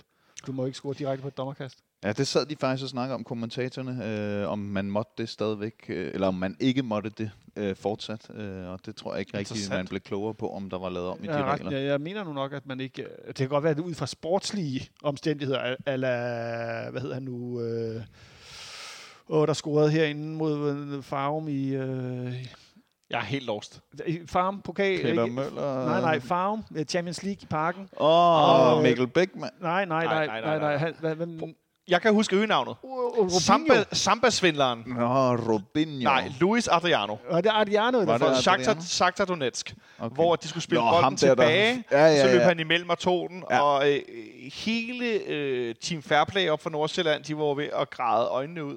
Øh, altså, Ja, jeg kan godt huske Ja, det, der, der var nærmest et indkald til, øh, skal jeg ikke til at sige militærdomstol, men det er tæt på. øh, øh, CRS-domstolen og det hele. Øh, men altså, de gav dem jo også et mål bagefter. Ja. Der kan man sige, så. Det er rigtigt, de gav dem et mål Ja, bagefter. ja, det var, det var, så var det heller ikke... Øh, Nej, nej, men uanset hvad, det, øh, det er ikke sikkert, det mål det var blevet anerkendt, hvis den var gået ind. Men det blev det i, i starten af, for øvrigt så vandt Shakhtar Donetsk, øh, de, øh, de vandt den kamp 3 alligevel. Øh, ja, ja. Det, var, var- det var det eneste mål, øh, Farum scorede. Nej, de scorede direkte på frispark Ah, mod. Juventus. Ja. Det var Bækman. Ja. nemlig. ja, det, var han- det, Men så tror jeg også, det var, det var ikke sådan noget 22-2, deres øh, målscore var, eller et eller andet. jeg var inde og se den her kamp, 22. de spillede mod Shakhtar Donetsk, kan okay. jeg afsløre. Øh, og jeg kan også godt, øh, nogen synes sikkert, jeg er dum nu, men jeg kan godt afsløre, at jeg griner ret meget, det, da han scorede det der mål. Og jeg, og jeg var sammen med 4-5 andre, og alle grinede. Ja, jeg, Øhm, altså, jeg så den hjemme i fjernsynet, og jeg grinte også. Måske så. fordi de også var FCK-fans. Men Alexander, den anden halvleg efter det her lille tidsspor, vi var ude på, øh, 2-0, øh, så får øh, Randers lidt overtag uden det store, og så, så er det som om, så griber vi kampen igen. Øh, Lukas Lea har en ret god afslutning efter 5-56 minutter, hvor den er, altså, øh, så er vi sådan tæt på lidt, og så, øh, så sidder vi ellers på det i lang tid, øh, og scorer jo også til 3-0 med et opspil, som jo er endnu bedre end det, Nikolaj beskriver før. Ja. Altså, det er helt igennem øh, fremragende, det opspil, og øh, offsiden er desværre god nok, må man sige. Har lige Øh, venstre fod fremme. Ja, og, og, og man kan sige, øh, vi vender lige tilbage til målet om lidt, men den der offside-kendelse, nu så jeg lige, Premier League jo havde ændret i deres øh, VAR-regler, blandt andet sådan noget med offside-linjen. Den ikke længere skulle være 1 mm bred, når de trækker den, men 5 cm osv., fordi det skal være clear and obvious. Men hans fod er jo stadigvæk offside. Jamen, og det er det. Men det er jo Ja, det der mere i forhold til, at armen på den anden, som jo ikke ja. ja. tæller med, fordi den må man ikke spille med. Og sådan, men det er det hele det der, altså... Hvorfor, når et straffe bliver øh, dømt af dommeren, og der er var på, og hvis den så er tvivlsom, jamen, så står dommerens kendelse. Her, der var en offside-situation, hvor den ikke blev vinket. Mm. Og altså, det er jo ikke sådan en, hvor man sidder og tænker med det blotte øje, hvis ikke den bliver stoppet, lige den der bevægelse, altså kan du se det. Og, og det er mere den diskussion, jeg vil ud i. Og nu ved jeg godt, nu er det fordi FCK blev frarøvet et mål. Hvis det var sket den anden vej, så havde jeg sikkert ikke skænket det en tanke. Jeg skulle lige til at sige, hvordan har du det nu, hvis vi vender den om og Ja, siger, ja, at lige Anders præcis. har fået det mål? Hvor Men- resten har du været? Men det er jo, jeg vil øh, sandsynligvis blive rigtig sur. Men, men Moderat det er mere det med, når de her situationer opstår øh, øh, mod FC København, eller for FC København i andre sager, så, så bliver jeg opmærksom på dem, og kigger på, hvad det er, så er der kommer til at foregå og, omkring det her. Øh, og, og det var det, der skete her, hvor jeg sad og tænker, men er det i VARs og spillets ånd, at den skal, øh, hvad hedder det, cancels? Øh, og altså, i bund og grund er det jo ligegyldigt, vi vinder 2-0. Altså, så det er ikke sådan, at det var øh, matchafgørende eller noget. Det er bare ærgerligt, når man har momentum, øh, ja. altså ikke i kampen, fordi det er rigtigt, lige den periode var Randers øh, okay med. Men, men momentum sådan sæsonmæssigt, så vil man gerne have store sejre og mange var mål. også vil gerne have Pep mål, Biel jo. får sit 9. Ja, det var mål i ni kampe og alt det her. Og så ærger det mig bare, at, øh, at sådan en, en fod, hvor altså, hans øh, modstanderens arm er faktisk længere tilbage, men fordi den ikke tæller med, så skal den, og altså, Ja, må, ja, ja, det ærger mig, men det var rimeligt nok. Der Ja. er jo sejt. Godt. reglerne er sådan. Det, Der, det er, er nej, ikke er så meget, reglerne, det, jeg jeg er synes, han har set sit fod og sådan hvor, hvor, hvor. Jeg Har, ikke, har plads til ærgelse. der er plads til, det, det, jeg var også virkelig ærgerlig, fordi jeg synes også bare, den der 3-0, Ja, og så Tak. også bare den måde, det og så, var på. og så Pep Biel, og, så det ærger mig, men det er jo fair nok, at der ikke er mål, for der er offside. Ja. Men øh, Og så læste jeg lige, at i hvert fald, øh, at øh, dommerkast, øh, der skal den røre to spillere. Inden, øh, bolden. to spillere. to spillere skal røre bolden. for Ja, at okay, så det mål. en skubber til, og den anden sparker. Ja, så, så, okay. så, Ligesom indirekte frispark. Det havde været sjovt, hvis den var gået ind og blevet annulleret. Ja. Eller tænk, hvis dommeren havde fået en jernblødning og ikke annulleret den. Ja, Ah, men alligevel med vardommer og fjerdommer og så videre, der må være en eller anden, der kan regelsættet og lige Jeg, sige, jeg, ah, jeg underkender ingen muligheder for, at alting kan ske i dansk fodbold. Nej, det er jeg har rigtigt nok. set, vi har nærmest set underligere ting ske. Øh, men i hvert fald, øh, altså Randers var presset lidt til sidst. Vi skifter ud. Vi sætter blandt andet øh, vores nye mand Isak ind. Det går ikke meget væsen af, så spiller de sikre bolde. Spiller den lidt bagud, i stedet for at spille den frem, man godt kunne, og så videre. Er det ikke meget, meget fint at komme ind og tage det roligt? Altså, jeg synes, det var ærgerligt, at han kom ind i en kamp, hvor der var sådan lidt, lidt der allerede var lidt rodet i strukturen, men, men det er jo fint, han skal jo ind og have noget, øh, han skal jo ind og have noget føling. Men er det ikke bare sådan, det er? Det er sådan, det er. Jo, fuldstændig. Jeg synes, det var tydeligt at se, at han, der er rigtig meget bold i den knægt. Ja. Øh, det var bare lidt for hektisk, både for holdet på det tidspunkt, Ja, fordi... altså en 3-0-føring. Hvis vi havde fået den der 3-0-føring, havde det været optimalt. Og man kan også sige, at han var ved at blive, scoret, han var ved at blive skiftet ind, da der blev scoret jo, ikke? Ja, ja, lige nøjagtigt. Og, og man kan sige, at han havde også et øh, farligt boldtab til sidst, øh, der gav en øh, stor Ja. chance til Randers osv. Så, videre. så det var ikke øh, den optimale debut, Nej, nej. men, men som, øh, som Nikolaj siger, han skal jo have minutter. Og, ja, altså, den eneste måde, han bliver bedre på, vi har jo set det med Delaney, med Kvist og så videre, så videre. Ud på kanten først, og så rører de ind centralt senere. Og, og jeg tænker, det er lidt den samme rejse, han skal ud på. Ja, selv Hjalte spillede højre midt. Ja, ja. Hvis, nogen, hvis nogen er så gamle. Det gjorde Lønstrup altså også selv, da han var Han også, har han ikke også taget en venstrebak på et tidspunkt? Øh, Hvem? Øh, Hjalte i en Har Hjalte spillet anden- venstreback? Ja, det tror jeg en eller anden. Okay, en, hvis du lytter med her, og en, kan, en, en halv kamp. Øh, Okay, en, okay, nu bliver det til en halv kamp. Ja, det er ikke en hel kamp, men han rykker ned og tager en venstre på et tidspunkt. Venstre skøjt på et tidspunkt, det er jeg ret sikker på. En venstre dør i alt det Nørgaard. Hvis nogen kan finde den, så øh, når I har hørt det her, så fang os lige på Facebook eller Twitter eller et andet sted. Den vil jeg gerne øh, Jeg vil have opfrisket. den. Jeg er ret sikker på, at der er noget der. Øh, nogle andre, der kommer ind, det er øh, blandt andet øh, Baldursson, der kommer ind i stedet for, øh, i stedet for Jens Dage. Og så er det i overtiden Kamil Vilcek, der kommer ind i stedet for Pep Biel. Og grunden til, at jeg nævner det er, at det interessante ved det her er, at efter 82 minutter, der bliver Jonas Vind udskiftet, men med Rasmus Højlund. Ja, selvfølgelig. Så nej, det er ikke selvfølgelig, Nikolaj. Hold nu op. Fordi det, det interessante, der er sket, er, at Rasmus Højlund har overhalet Kamil Vilcek nu relativt øh, sådan åbenlyst i, hvem der er vigtigst at få ind først. Hvad siger du til det, Alexander? Men Jeg siger, det er meget naturligt oven på øh, begges øh, præstationer øh, over øh, de sidste øh, ja, uger og måneder. Nu er det jo måneder efterhånden, fordi der har været landskampspause osv. Øh, den ene er opadgående, og den anden er nedadgående. Øh, så, så det giver rigtig god mening. Øh, hvad jeg måske synes er endnu mere i øjenfaldene, som øh, jeg så også lavede et genialt tweet om i går. Nej, det, er- det var ironisk ment. Øh, Det var, at vi øh, på et tidspunkt øh, med de indskiftninger, øh, der var, og da Højlund kom ind, så var det lige pludselig af, af fire 18-årige, der fik spilletid for FC København. Og jeg skyndte mig med det samme at skrive på Twitter, at det er nogensinde sket før. Og det var det så lige for øh, to kampe siden, altså, mod Sønderjyske. Der var Christian Hårgaard, eller Uger, som nogen kender som øh, rimelig hurtigt på tasterne, og så måtte jeg jo ja, bide det i mig igen. Øh, det var ikke øh, så god research, men, men det viser jo egentlig i bund og grund også bare min pointe, at det er så åbenbart er sket øh, en gang tidligere, og sidste kamp var det vist tre.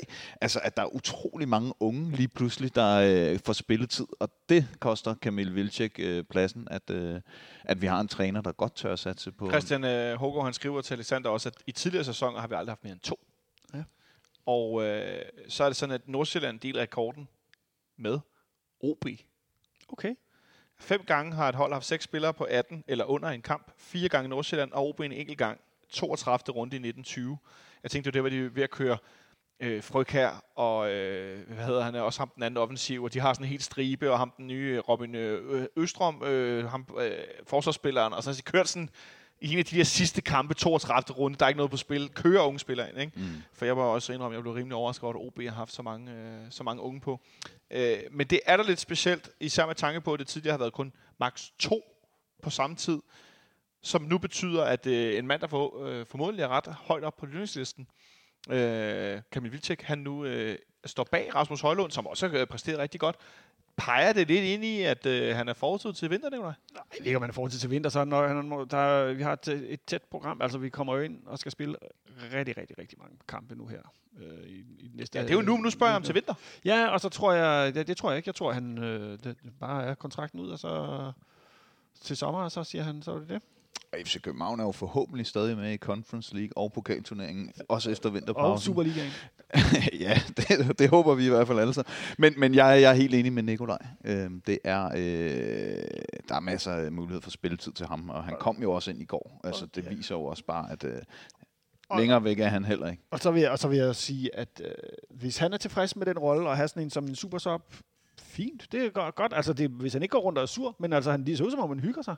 Altså, det, det, det, efter kampen er han pisse glad, og, og ham og, og Gradbara, Camilla og Camille, de... Øh, Top, tænk, vi har to polakker, der hedder Camille. Det, det er simpelthen så komisk. Jeg har aldrig hørt navnet før, øh, det- Vicek kom til Danmark. Det er så der- sjovt, altså.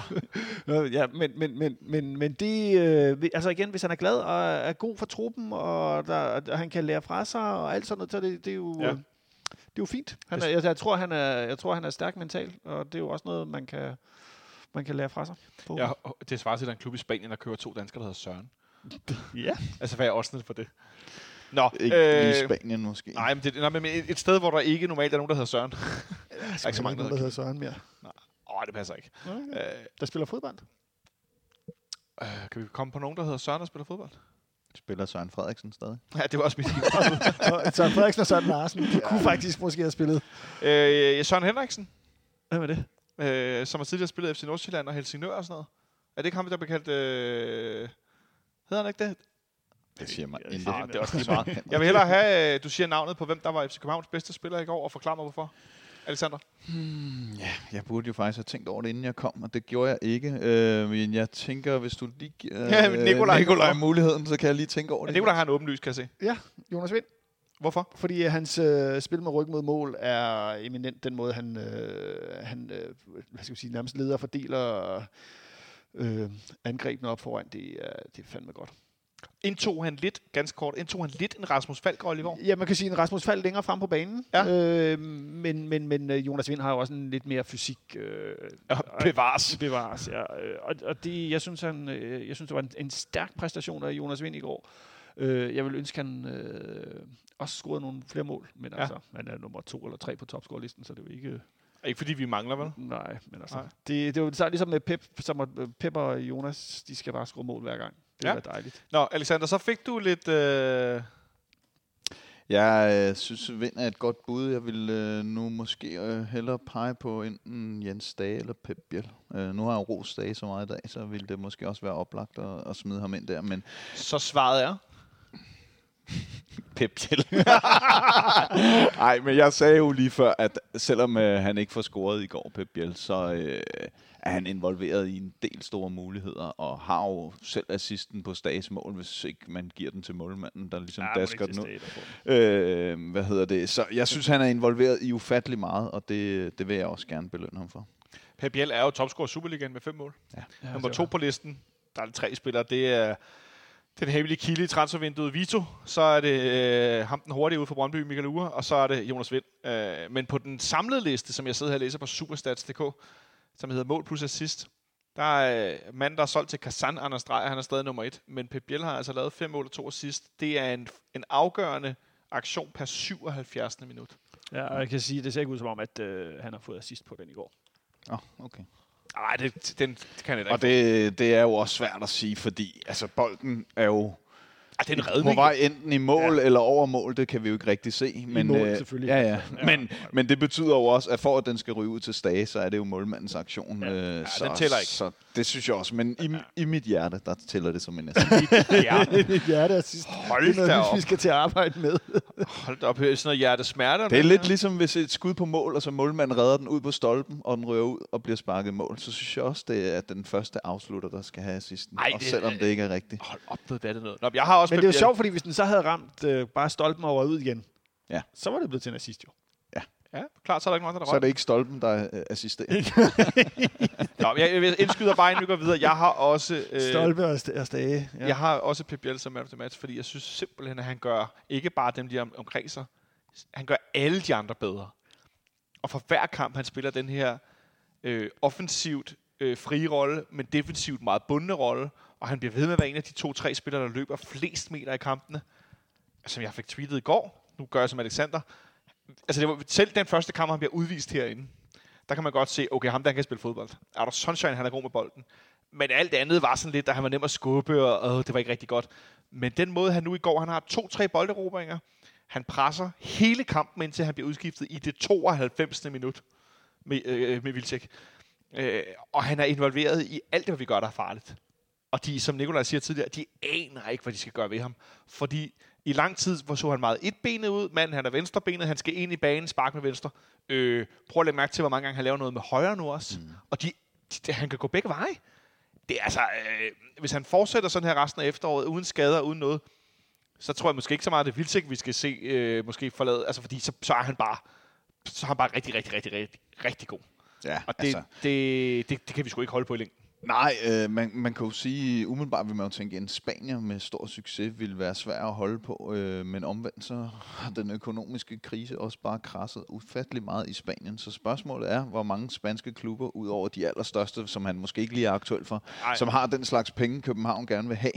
Så, så på den led kan man sige, at jeg ikke tror, at han nødvendigvis har selv, hvis han fortsætter, at han vil være meget varmere end Jonas Vind, øh, end øh, Victor Christiansen, nogle af de her, øh, der også øh, har spillet rigtig, rigtig godt. Ja. Øh, men, men uanset hvad, så skal vi nyde ham, mens vi har ham, fordi øh, han forsvinder i hvert fald på et tidspunkt, også inden hans kontrakt udløber. Det er jeg Ja. slet ikke i tvivl om. Det må jeg sige, det er jeg også ret sikker på. Nå, vi skal også videre på programmet. Med det sagt, Nikolaj, er du klar til at flyve til Bratislava? Har du nogensinde været der? Øh, nej, det har det desværre ikke været. Nej. Men jeg er da klar. Har du en flybillet, så er jeg klar. Øh, nej, det har jeg desværre ikke. Nå. Øh, jeg har en masse andet. Øh, det kan være, at du har noget til mig, fordi at, at jeg har jeg en masse andet, der får mig til Bratislava. jeg vil da så- gerne høre lidt om øh, Slovan Bratislava. Jeg har, Kan du fortælle mig noget? Nej, det kan jeg ikke. Nej? Nej, jeg ved ikke. En flyvende fis om Nå, men så spørger jeg i stedet for, hvornår spillede FC København første gang mod Slovan Bratislava? Det gjorde de i 94. Det gjorde de i 94. Det kom lynhurtigt. Det har noget med alderen at gøre, tror jeg. Det er noget, man kan huske det. Ja. Øh, vi spiller øh, mod Slovan Bratislava øh, i 1994. UEFA Cup. Ude hjemme. Vi taber 1-0 på udebane, og så spiller vi 1-1 på hjemmebane og ryger ud. Øhm, kan du også huske, Alexander, hvem der scorede for FC København? Nej, det kan jeg ikke, men jeg kan huske, at øh, ham, der er sportsdirektør ude på Vestegnen, nu han i hvert fald var på banen. Ja, det er rigtigt. Øh, Og Transfersvætterkongen, Måske CV. også øh, Allan Nielsen, tror jeg måske. Allan Nielsen var også på banen, ja. Oh, nu bliver det, det bliver, kan du lige nævne startopstillingen mod Slovan Bratislava? Nej, men så er der jo alle klassikerne, ikke? Jeg tænker Mio og Falk og Tur og nogle af de der må have været der. Øh, ja, øh, så ved jeg ikke om begge tvillinger og Per Fransen. Falk måske? spillede, Per Fransen spillede, CV spillede, øh, Martin Johansen, Michael Johansen, øh, Allan Nielsen, som du er inde på, øh, Diego Tur. Den ældste målmand i FC København stod på mål. Hvem var det, Nicolaj? Den ældste målmand. Er der nogensinde, der spiller Er for FC det ikke? Per Poulsen? Per Poulsen. Hvor, hvor gammel var han, han stod på mål? Han, han spiller en kamp som... Er han stadig det? det? Øh, ja, ja, jeg tror, han er 41 eller 42. Det er sådan et klassisk fraktionsvis meget spørgsmål. gammel. Ja. Han var Øhm, så gammel på det tidspunkt. ja. Øh, men øh, øh, hvem scorer selvfølgelig på straffespark for FC København i 1994? Ah, højere. Lars Højer Nielsen. Og i den forbindelse, så vil jeg lige minde om, at selvom det er en del af en gammel julekalender, som FCK TV lavede, så gå lige ind og søg på YouTube, og så søg på Lars Højer.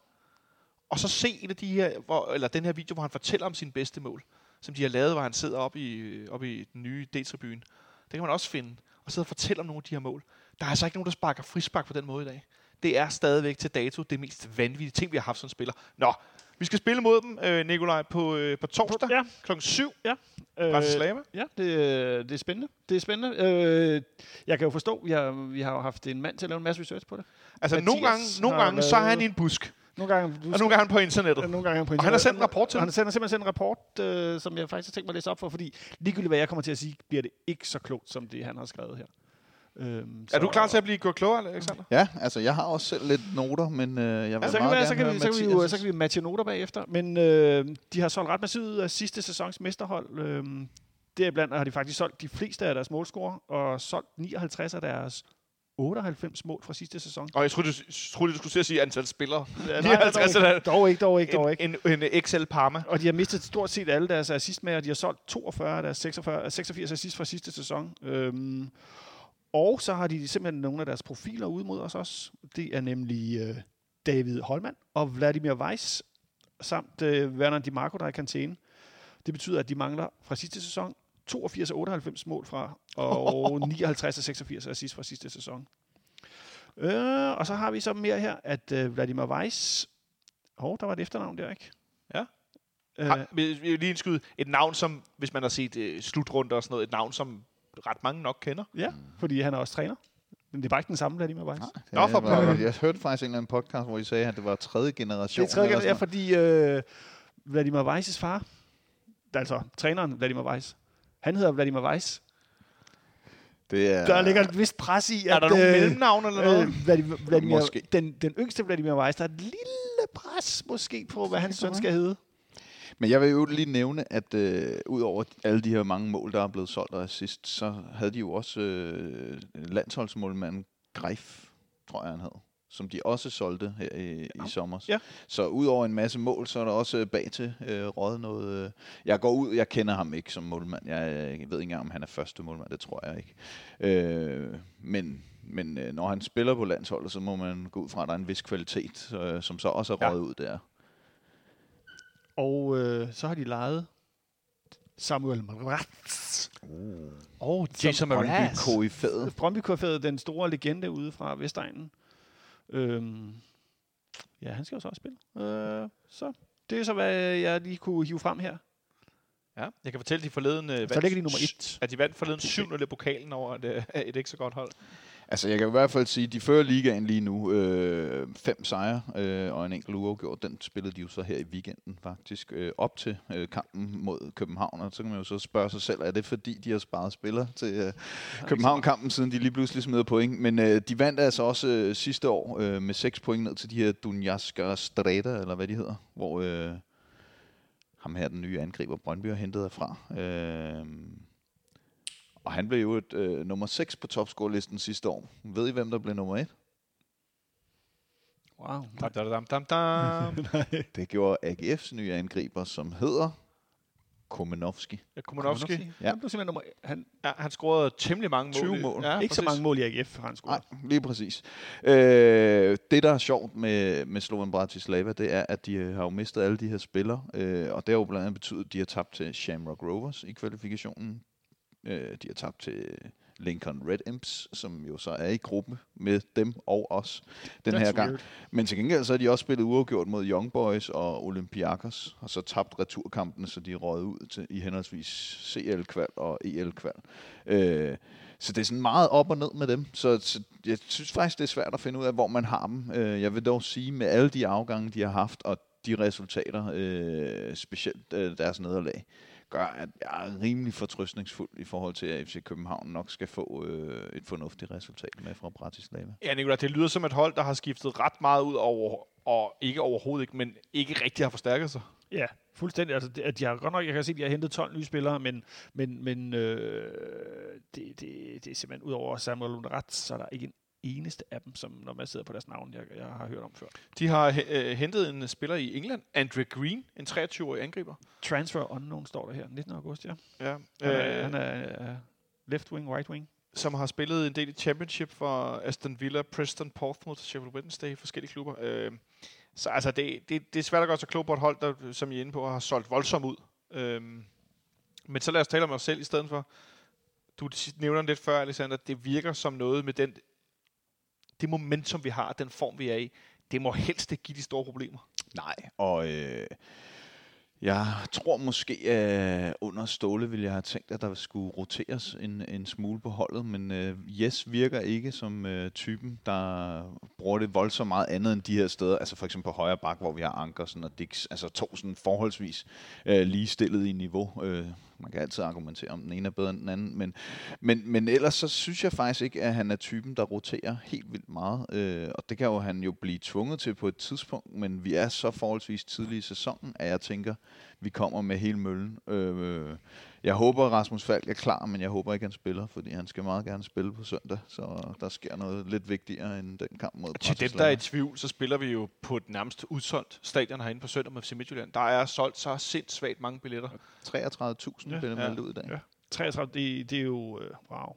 Ja. Øhm, Og det betyder jo et fremmøde på over 30, fordi der er jo altid lige et par tusind, øh, der ikke dukker op af de billetter, der er solgt. Men øh, hvis man kommer over 30.000 til sådan en kamp, så er det jo altså også virkelig flot. jeg så tidligere i dag, den gode Jakob Lausen, som jo er øh, kommersiel direktør i FC København, han fik skrevet faktisk et svar til nogen, øh, FCK-fans, der talte om det her, øh, omkring, og hvor mange Midtjylland-fans, der kommer. Der var solgt 600 billetter til Midtjyllands udebaneafsnit på D-tribunen, nede ved siden af familietribunen, fordi de havde solgt et vist antal billetter i god nok tid, så de skulle have lov til at være dernede. Øh, det lyder sådan her. I runde tal, så kommer udnyttelsen aldrig over 95 procent. Det er jo meget interessant. Ja, ja. Mm. Der er altid 5 procent, der lige øh, ikke får fedtet sig herind. Øhm, og så skriver han videre, så øh, vi er spændt på, hvad en udsolgt FCM-kamp bliver. Derudover så tager det mange pladser at dele D-tribunen mellem udebane og familie. Så reelt er kapaciteten nærmere 36.000. Det er fordi, der er en, der spørger, om den ikke er øh, 38, og det er jo vores gode ven Samuel herinde fra faktisk. Øh, så den lyder på 36. Øh, og så har den gode Jakob øh, også selv øh, skrevet, at der øh, for 6 timer siden 33.200 er det højeste Superliga-tilskuertal siden ombygningen i 2008. Okay, spændende. Det vil dog kræve maks udnyttelse og et fyldt udebaneafsnit. Hvor meget? 33.000? 33.200 Det må da være i Superligaen. det Fordi er der har der været nogle Champions League-kampe, hvor der er det, var højeste, 35.000. er det højeste Superliga-tilskuertal Okay. siden ombygningen i 2008. Fordi det hedder så, at der er 38.065 sæder i parken. Hmm. Det er en meget god lille... Øh... Skal du lave en quiz med dine venner, når I holder kø, så er der lige en lille gave der. Øhm, men de, der er jo altid sæder, der bliver lagt tæppe over alle mulige steder, og der er nogen, der ikke bliver solgt, fordi der er dårligt udsyn på forreste række nogle steder, og alt muligt. Ikke? Øh, men Nikolaj, øh, altså med tanke på den her kamp på søndag, hvor der virkelig bliver bagt op, tror du så ikke, der bliver roteret lidt øh, torsdag? Jo, det tror jeg også. Nej, men, men hvem? Kom, start øh, nedefra. Ja, ja, men jeg tror, Peter Ankersen spiller. Ja. Øh, og øh, så tror jeg, øh, så tror jeg, den hedder Sækker Lea inde på midten. Øhm, og så tror jeg, så tror jeg Bøving spiller, og måske, hvis vi er heldige, har fået Luther Singh med os. Øhm, og så, øhm, så spiller Vind sgu nok også. Og så mangler vi en spiller et eller andet sted, men det ved jeg ikke helt, hvem der skal spille det. Så ikke nogen Pep Biel? Nej, det tror jeg ikke. Så altså manden, der kan løbe solen sort. Ja, men øh, jo, så det kan sgu også godt være, at han starter inden. Den, det, mm, Så ikke så mange rotationer, når det Nej, kommer det er, jo til ikke, stykket. det, er jo ikke, det, er jo ikke, det er jo ikke den kæmpe, kæmpe rotation, men altså, jeg tror, der er en af Stage eller Lea kunne godt hviles lidt, tror jeg. Men det kommer så an på, med, en af dem skal jo ikke spille, højst sandsynligt, søndag. Alexander, du kan godt høre, at Nikolaj han rodede sig ud i egentlig ikke er nogen rotationer. Ikke? Ja, der var ikke mange. Det var ikke mange, nej, det kan jeg godt høre. Nej, men, øh, og, det, og det tror jeg heller ikke. Der skal helt sikkert nok komme et par stykker. Men, men altså, når jeg snakker sådan kraftig rotation, så snakker vi jo 5, 6, 7 Ja, det kommer ikke til at ske, øh, nej. Og det kommer ikke til at ske øh, under Yes. Også fordi måske nogle af dem, der er oplagte lige nu, er småskadet. Altså en Marios eller den nye nordmand, øh, Ruben Ja. something. The. Gabrielsen. Øh, Som man kunne sige, Bøjlesen kunne måske godt tåle at blive sparet, ikke fordi at han ikke gør det godt eller noget, men vi kender jo bare hans historik. Ja, ja. Øh, og det kunne være oplagt, men der er bare ikke nogen oplagt lige nu, fordi Valdemar Lund, han er ikke engang i truppen, øh, selvom vi ikke har nogen øh, forsvar på bænken. Så jeg tænker, at han i Jes Torups verden måske er lidt langt for spilletid. Og Det så kunne godt tror, jeg virke også, øh, altså, tror jeg også, at det, at det, det der med, når vi, vi går efter en sejr dernede, altså det er, sådan, det er jo, vi skal have tre point dernede, fordi det kan, det kan ligesom få lukket den der pulje allerede lidt ned til at begynde med. Og vi er også topseedet, ikke? Jo, jo, jo, vi er top. Altså, øh, og, Altså, det- og med det, det- følger, følger der vel også... Altså, bliver jeg meget krævende, hvis jeg siger, så betyder det, at vi skal vinde puljen? Nej, ja, det, det er jo, jo det, det er det selvfølgelig, men selvfølgelig skal vi vinde puljen, men der er stadigvæk øh, vores græske venner fra Saloniki Park der, de er jo lidt et, øh, de kan godt være, det kan godt blive svært at blive skære med, men øh, så, så jeg vil sige, at vi er favoritter til at vinde puljen, men det er ikke sådan noget 80-20, altså. Der er faktisk en anden, ga- en anden øh, gammel ven af dansk fodbold i, øh, i truppen hos Slovan Bratislava. Nå. Hov, undskyld, jeg bunger lige. Og øh, kan vi få et hint? Ja, det er en offensiv spiller. Han er Ja. 27 år gammel. Han er fra Serbien. Hvilken klub har han spillet i? Nej, det er jo det, I skal gætte jo. En serber på 27. i- Han, er- der har okay, han, spillet har- han har Danmark. spillet i AGF. 27 år særker fra AGF. Jeg ved ikke, Noko Jokovic. Ej, det er s- 47, Alexander. Nej, jeg kan ikke huske. Han hedder Alexander Kavric. Det siger mig intet. Yes, der ringer en klokke på efternavnet, men Ja, han øh, kom ikke, fra, øh, øh, kom fra Genk. Hvis du nævnte ham, så ville- kunne jeg lige så godt have sagt, at han havde spillet i Østerås i Sverige eller et eller andet. Nå, men endnu mere interessant, synes jeg, det er med Pauk, som i weekenden øh, spiller øh, og øh, taber Ja. til øh, et hold, der hedder noget så fantastisk som øh, Giannina. det er simpelthen et fantastisk navn. Og øh, Pauk, de stiller i kampen med Ingen grækere. 0 grækere. Det tror jeg også, øh, der blev påpeget. Ja, og der kommer 0 grækere ind, selvom der er fire på bænken. Ja, de, de har også lavet en voldsom udskiftning, men det er sådan et... Øh, Til gengæld har de en spiller, der hedder Schwab. de har øh, også gamle Kagawa, som nogen måske ikke kan huske. Ja, Øh, men øh, ikke voldsomt imponerende at tabe på hjemmebane til Giannina, selvom det er et fantastisk navn. Det er helt. Men hvis jeg bare lige hurtigt må løbe øh, den her pulje igennem, mm. øh, så sidder jeg og tænker, vi skal vinde vores tre hjemmekampe, og så vinder alle selvfølgelig også på udebane mod Red Imps. Det vil sige, hvis vi gør det, så er det 12 point bare der. Så kan vi bare få en uafgjort i Bratislava, så er vi stensikre på at gå videre og har en god mulighed for at vinde puljen. Selvfølgelig, hvis vi taber begge kampe til Pauk eller et eller andet åndssvagt, så bliver det svært. Øh, jeg, jeg ser mellem 12 og 15 point til FC København, og øh, det burde være nok til at vinde puljen. Ja. Går du med den, eller er han for optimistisk? nej, jeg synes, det, det er meget... Det, det, det er også... Øh, det er også sådan, det burde se ud, ikke? Øh, Der er lige nogle ubekendte omkring, hvor gode, øh, hvor gode de Kvauk er. Ja, Ja. ja. og altså, det er også mest, fordi jeg kigger historisk på det. Øh, Vi spiller på en anden måde, og vi har ikke været i Europa med Yes og så videre, så der er nogle ubekendte. Men hvis man kigger på de resultater, vi har fået på hjemmebane i Europa, så er det altså ikke særlig tit, vi løber ind i nederlag. Og de gange, vi gør, så har det været nogle enten nogle lidt tossede streger, vi selv har lavet, Ja, eller... altså øh, Siverspor, ikke? Det var jo, som man betegnes som, også ville have været, det, Jamen, det var en maltraktering. ja, det er Ja. nok, ikke? Ja, jamen, og det er det. Og nu er Pauk så på et lidt højere niveau, end det Sivasspor, de øh, Ah, det må man viste. sige.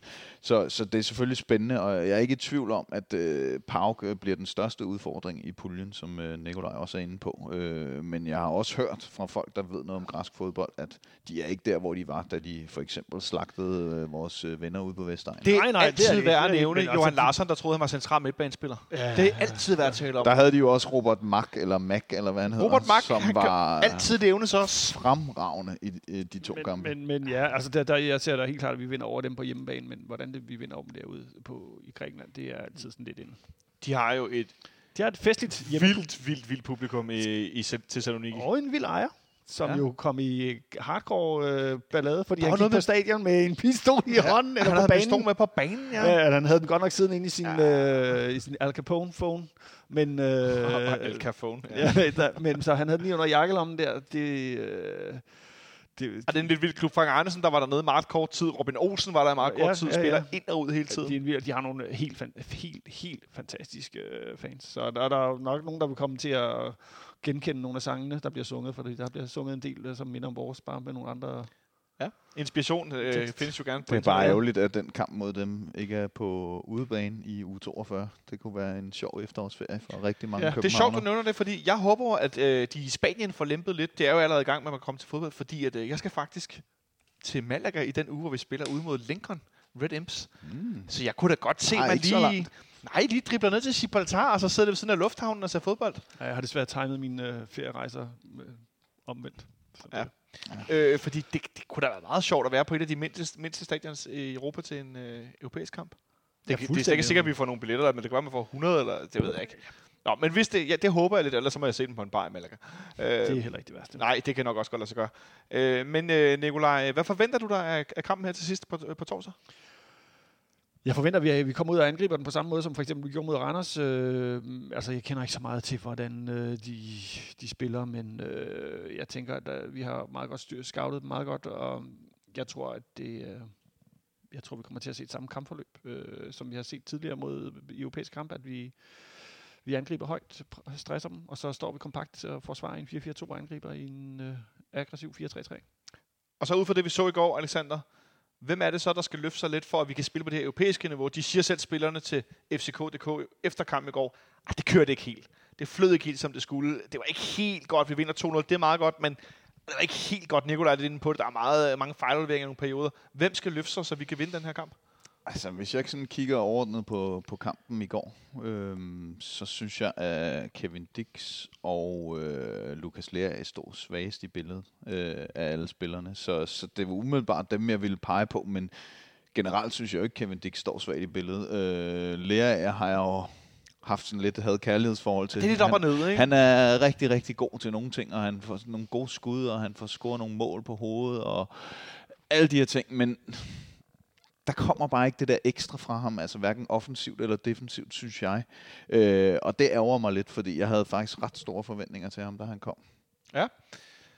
Vi Hvad- håber, der er tale om ketchup-effekt, så lige pludselig så... Ja, så lad os se, det ikke? Ja. Og hvad ender kampen så, Nikolaj? Øh, vi vinder 3-1. Vi vinder 3-1. Vi lukker simpelthen mål ind. Ja, så et eller andet åndssvagt øh, afrettet skud. Åndssvagt afrettet skud, det er de som regel, når de er afrettet. Hvad siger Alexander? Jeg, jeg er lidt mere optimistisk. Jeg tror sgu, at vi holder nullet igen, så jeg siger 3-0. Du siger 3-0 simpelthen. En 3-0 sejr på udebane i Europa. Det er jo ikke øh, sædvanen for nogen danske hold. Vi er meget, meget optimistiske, jeg jo godt her. Jo, men det er jo klart, at vi har vundet mange kampe i træk. 6, tror jeg. Hvis det- Jeg har vundet, ja, ja, ja. Vi har Ja. jo ikke tabt i... Altså nu snakker jeg både, altså vi har vundet 6 Superliga-kampe i træk, men jeg mener også, at vi har vundet 6 i træk, når vi tæller både Superliga og Europa med. Ja, for vi har jo ikke tabt nogen. Nej, men der er jo nogle uafgjorte, Åh oh, ja, på den som måde, ja, øh, ja. kan ødelægge stimerne. Og Det vi har jo haft et par uafgjorte i Europa også. Men vi startede jo sæsonen med to uafgjorte mod Silkeborg og AB, Ja. og så har vi vundet de sidste Så har seks. alt andet siden der, ikke? Ja. Og Så det, det er svært at være pessimistisk, af det jeg hører. Det er meget svært. Øh, der er mange, øh, også i min omgangskreds, som har haft et lidt anstrengt forhold til Jes Torup. Øh, og der vil jeg sige, at de fleste af dem er jo ved at være lidt træt i armene af at gå rundt med armene over hovedet, fordi det ser jo rigtig godt ud, både øh, i forhold til at holde nullet, men så sandelig også i forhold til, hvor mange mål, der bliver sparket ind. Altså jeg må korrigere og sige, at vi har faktisk vundet 8 kampe i træk. Nå. I alle turneringer. Vi har vundet 8 kampe i træk. Vi har ikke, ikke vundet, siden vi spiller 1-1 på udebane mod Plovdiv i den der sauna. Nå, ja. Det der og åndssvage mål. Ja, ja. Ja. Var satan. Det var fandme en mærkelig fodboldkamp. Ja. Helt bizarre fodboldkamp. Fuld Men siden 40 grader, der, ikke? siden der har vi, øh, det er altid været nævnt, vi har slået Brøndby 4-2. Nå ja, det kan. Det var... Og så lige bagefter slår vi Plovdiv 4-2. Så vinder vi 3-1 i Aarhus, 2-1 i Tyrkiet, 2-0 mod Sønderjyske, 5-0 mod Siversborg, 4-0 i Vejle og 2-0 i Randers. Ja. Så de det optimistiske 3-0, tror jeg lige underbyder det, der siger 2-0. Det er trods alt Europa på udebane. Ja, men jeg, jeg synes, jeg, altså ligegyldigt hvor, hvor, hvor lidt, lidt kønt kampen var i går, så var det en, øh, det var en, det var en øh, vital sejr, og det viser også noget, øh, at det her hold er begyndt at være andet end bare en angrebsmaskine. Ja, og måske øh, har vi, øh, eller ikke måske, vi manglede to af vores måske farligste offensive våben øh, i øh, Rasmus Falk og Mohamed Darami. Øh, Darami på grund af alt det, han selv har skabt selvfølgelig, Rasmus Falk, fordi han binder øh, spillet så godt sammen, også offensivt.